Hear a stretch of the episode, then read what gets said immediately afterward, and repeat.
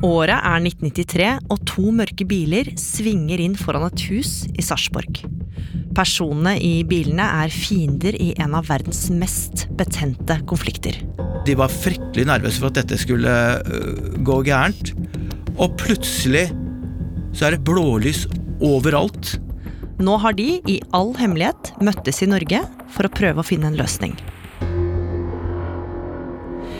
30 år er gått siden Oslo-avtalen, som skulle sikre fred i Midtøsten, ble undertegna. Fortsatt herjer konflikten. Dette er bare én av episodene Oppdatert har å by på denne uka, eksklusivt i NRK radioappen. Der kan du også høre disse episodene.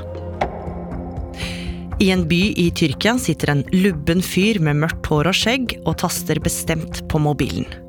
Han sender meldinger til et land langt unna, meldinger som skal føre til stor skade.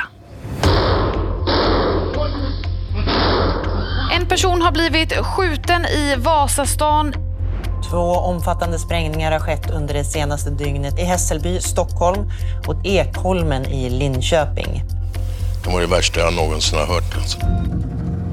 For mannen er en hardbarka kriminell, kjent under navnet Den kurdiske reven, og pekes på som en av de mektigste bakmennene til voldsbølgen i Sverige. Sammen tok to smilende og dansende gutter over TikTok-strømmen til tusenvis av mennesker.